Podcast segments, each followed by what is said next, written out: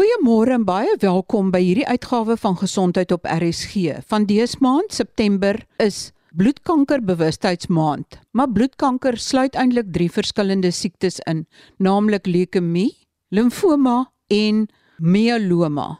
Vandag fokus ons op leukemie en spesifiek die behandeling met beenmurgoorplantings. My gas vandag is professor Winnen Lou. Hy is hoof van kliniese hematologie by die Universiteit van Kaapstad en die Groote Skuur Hospitaal. Professor Lou, waarom word beenmurg gebruik om 'n bloedsiekte soos leukemie te behandel? Ja, so as jy dink aan beenmurg, beenmurg is is die fabriek van bloed. Dit is iets anders as rugmurg. Is die sponsagtige weefsel wat binne in jou uh, bekkenbene en jou wervels en jou skedel sit en in daai beenmurg is die fabriek van bloed en as ek praat van bloed dan praat ons nou van al die verskillende bloedselletjies of bloedliggaampies wat jy nodig het soos wit bloedselle om jou te beskerm teen infeksie rooi bloedselle wat suurstof dra en plaatjies wat bloedplaatjies wat keer dat jy nie bloei nie.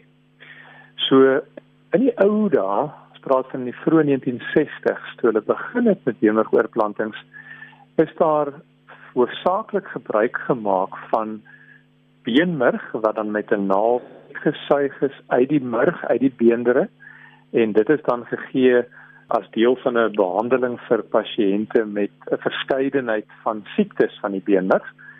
Maar deesdae stel ons meer primêr belang in die stamselle wat binne in die beenmerg is. In die ou dae toe ons meestal beenmergoorplantings gedoen het, het ons die beenmerg getrek om by hierdie stamselle uit te kom.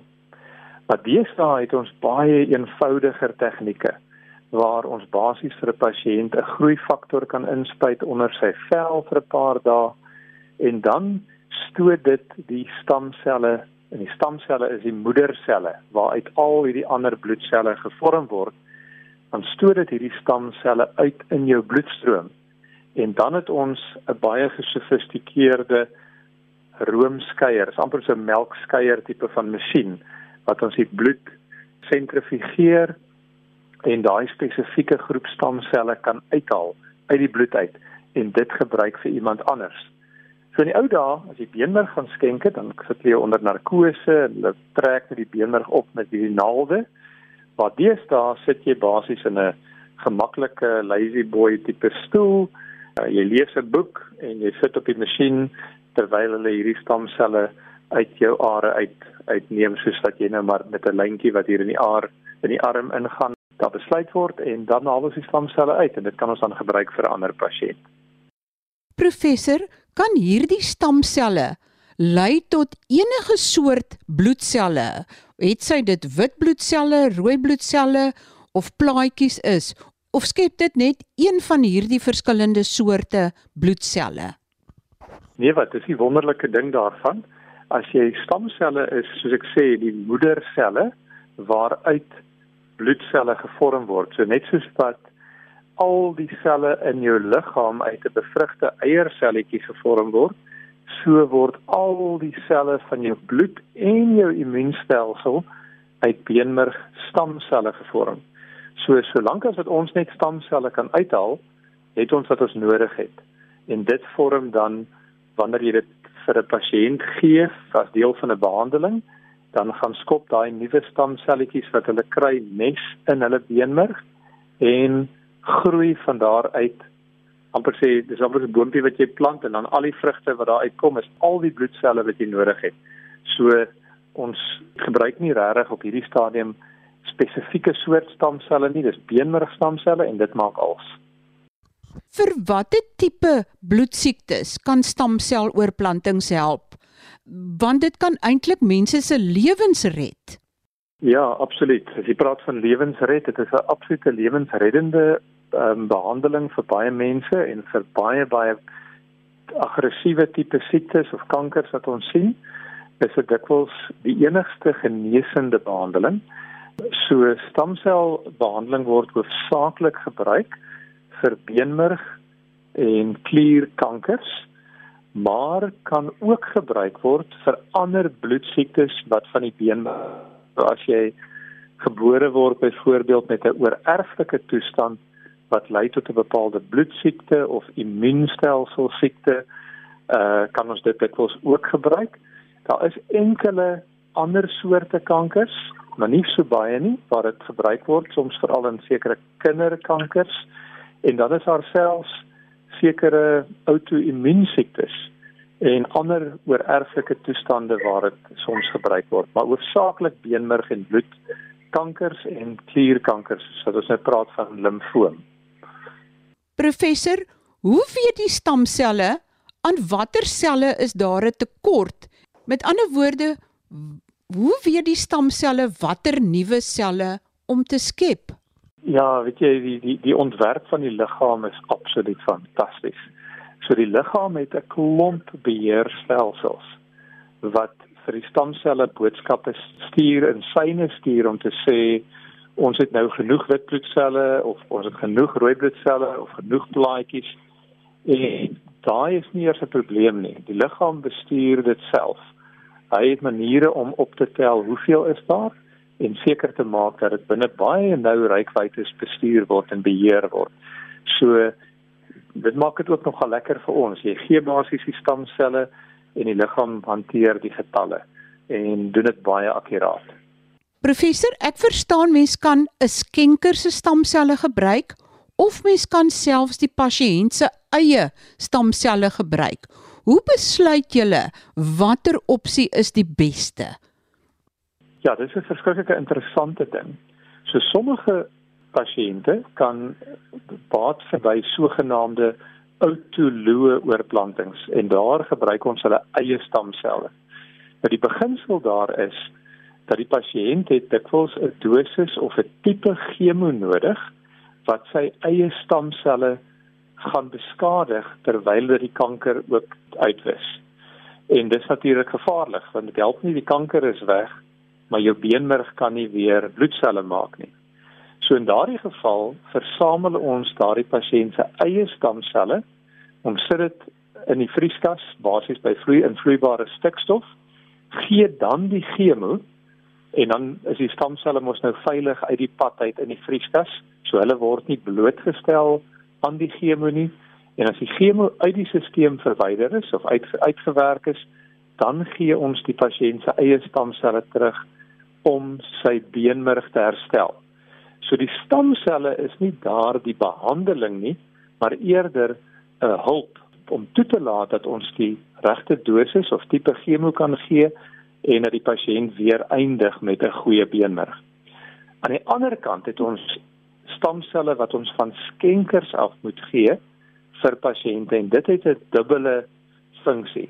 Die een funksie is dieselfde as met autoloë oorplanting dat die beenmerg kan herstel na die behandeling vir die kanker, het sy chemo of bestraling.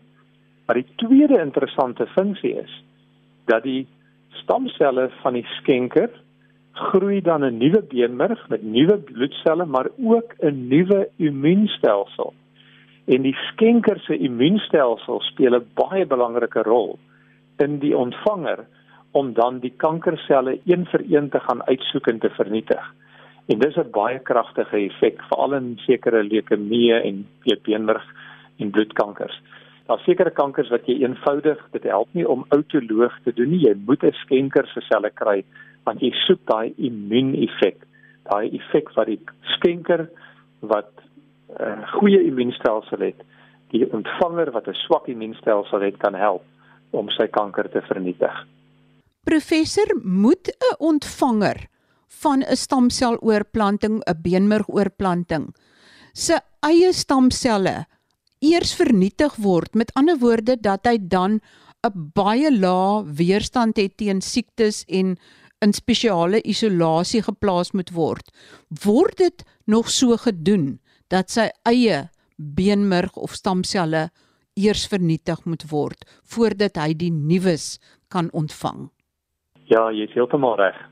Daar is verskeie intensiteite van oorplanting so wat wat ons begin toelaat hiersta om ook ouer mense te oor te plant wat ehm um, voorheen nie sou gekwalifiseer het nie as gevolg van die intensiteit van die chemo, maar dit wissel van siekte tot siekte. Maar alle oorplantingspasiënte word gewoonlik in isolasie geplaas vir 'n periode waar ons hulle in 'n enkel kamer verpleeg en spesifiek in 'n omgewing waar dit baie skoon is om hulle te beskerm gedurende die periode wat daai nuwe stamselle moet begin amper sê neskop en groei.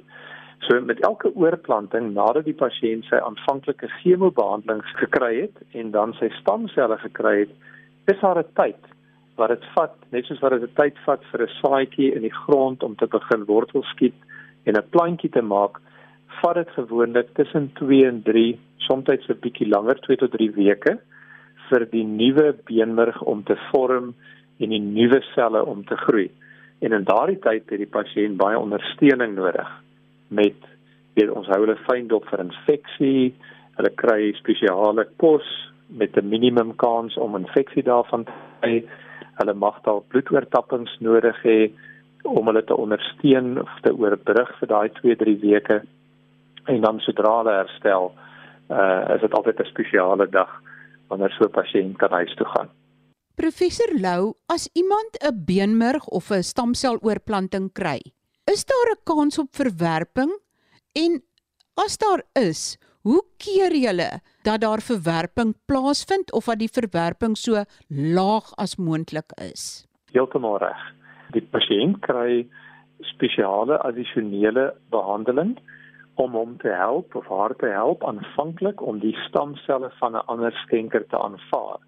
Aan die liggaam se eerste reaksie as daar 'n vreemde orgaan of vreemde stamselle in die stelsel inbeweeg is om daardie stamselle as die vyand te beskou en dit te vernietig. So ons gebruik verskillende medikasies om die pasiënt se immuunstelsel te kalmeer en toe te laat dat die nuwe stamselle aanvaar word. Anders sou dit nie gewerk het nie.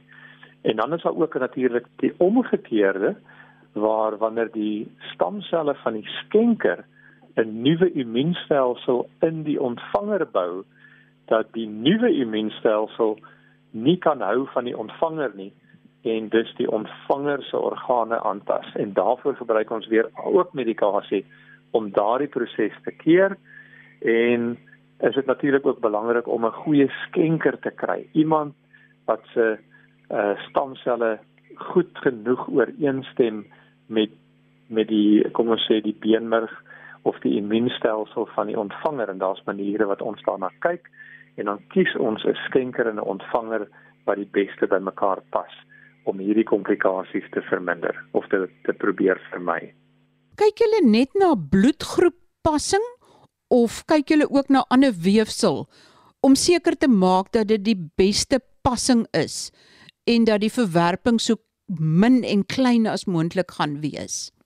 Ja, so ons kyk bloedgroep is een ding wat ons na kyk, maar dit is nie so so belangrik nie want ons kan mense met verskillende bloedgroepe kan skenkers vir 'n ander persoon wees. So die as daar 'n verskil is in bloedgroepe, ja, ons moet aanpassings maak wanneer ons bloedoortappings gee, maar dis nie 'n probleem nie. Ons kan dit hanteer.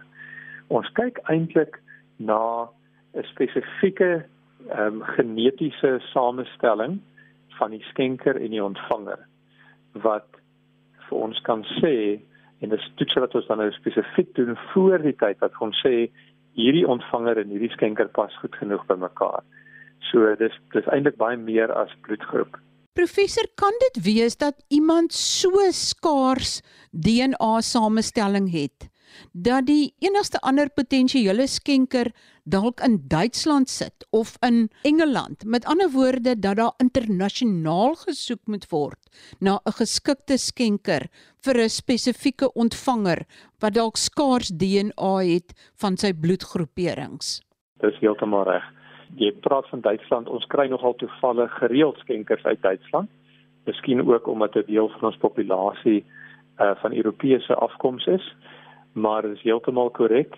Ons het um, in Suid-Afrika die South African Bone Marrow Registry en die Sunflower Foundation wat natuurlik daar is om skenkers en plaaslike skenkers te soek en ons eie skenkerbank op te bou. En terloops, dit beteken eintlik net dat iemand hulle naam opsit en hulle bloed laat toets. Dit beteken nie noodwendig dat hulle hulle hoef nie stamselle te gee voor die tyd nie. Dit is net dat as ons eendag 'n pasiënt het met dieselfde genetiese samestelling, dan word hulle gekontak en gevra of hulle bereid sou wees om te help en ons is so dankbaar vir al die mense wat letterlik lewens red in ons stamseloorplanting vir baie pasiënte. Want ek wil amper sê die grootste probleem vir ons is pasiënte wat nie skenkers het nie en wat ook geen ander behandelingsopsies het nie. Maar as ons nie in Suid-Afrika regkom nie, dan gaan soek ons in die buiteland en ons is gekonnekteer met banke wêreldwyd. Maar dit bly moeilik vir al van ons plaaslike mense van Afrika afkoms pasiënte wat dikwels nie skenkers vind hier nie as gevolg van groot genetiese diversiteit en 'n beperkte aantal uh, skenkers uit sekere etniese groepe. So ons wil regtig die hele Suid-Afrikaanse populasie aanmoedig om skenkers te word um, as hulle andersins gesond is. Is dit darm meestal die geval dat as mens 'n geskikte skenker soek, dat daar nabye familie is, 'n broer of 'n suster of 'n ma of 'n pa wat 'n geskikte skenker kan wees? Vir elke broer of suster wat jy het, het jy gemiddeld 'n 25% kans.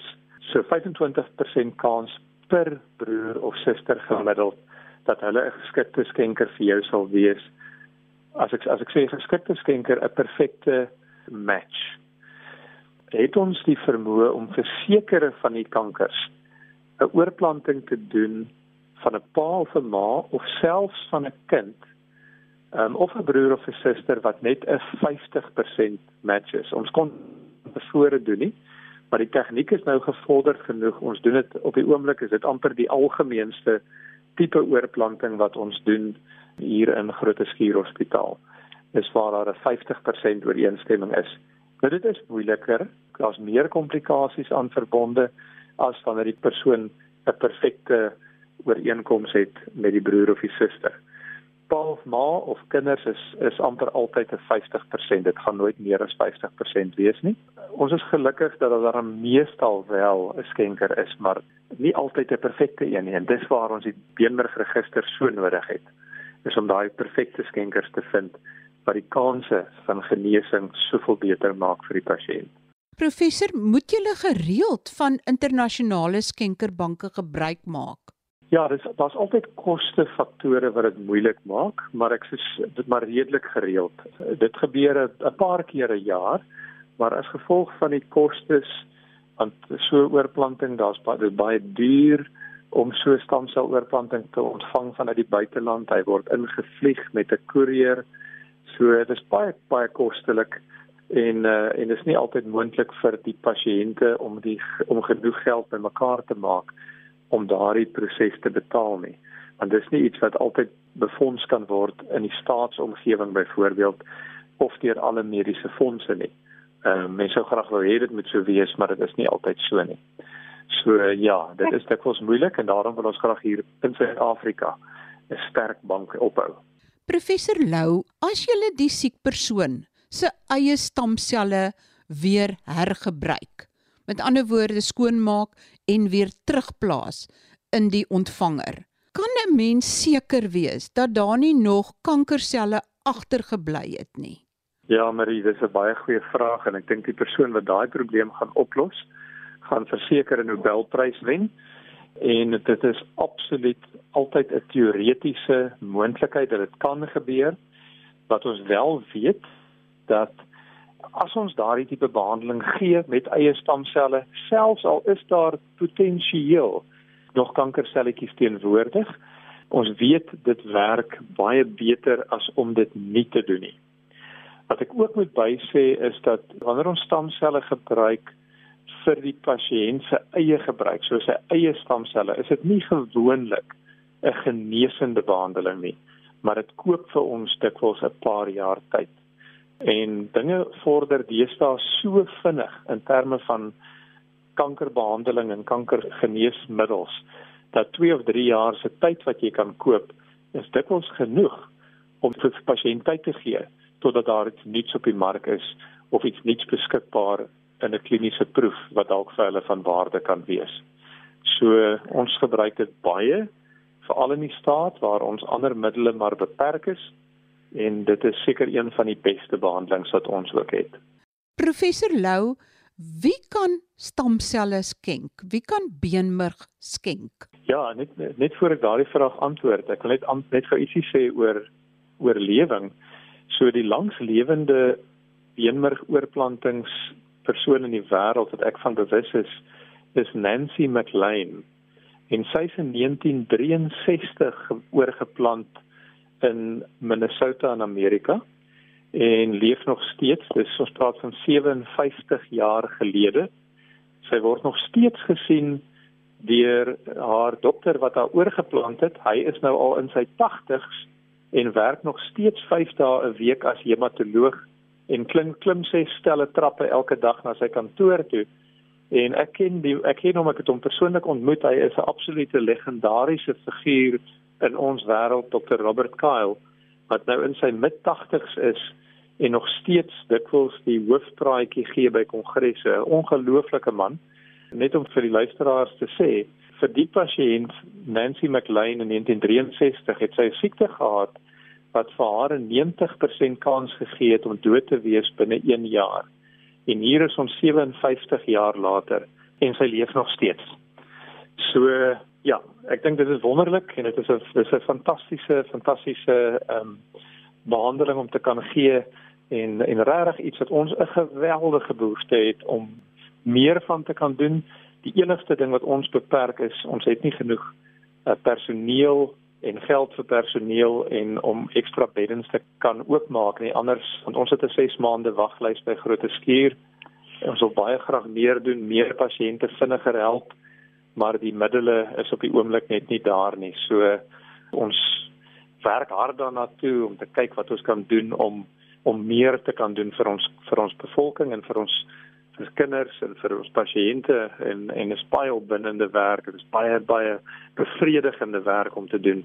Dit is ou net meer hande gehad het. Ek wil graag voorstel dat die luisteraars net aanlyn gaan kyk na die SABMR of South African Bone Marrow Registry. As jy dit nou gaan Google en op hulle webwerf gaan kyk, sal jy sien hulle vertel vir jou daar presies hoe jy 'n skenker kan word. Dieselfde gaan jy vind op die Sunflower Foundation se webwerf en al die inligting is daar om te wys wat is die vereistes waaraan jy moet voldoen. Maar baie van die vereistes is maar soortgelyk as die van om 'n bloedskenker te wees. Baie dankie aan my gas vandag, professor Winnen Lou, hoof van kliniese hematologie by die Universiteit van Kaapstad en die Groote Skuur Hospitaal. Besoek rsg.co.za waar die skakels na hierdie webwerwe gelaai is sodat jy kan sien wie geskikte skenkers is en skakel volgende week weer in op gesondheid op RSG. Tot volgende week dan. Groete van my, Marie Hudson.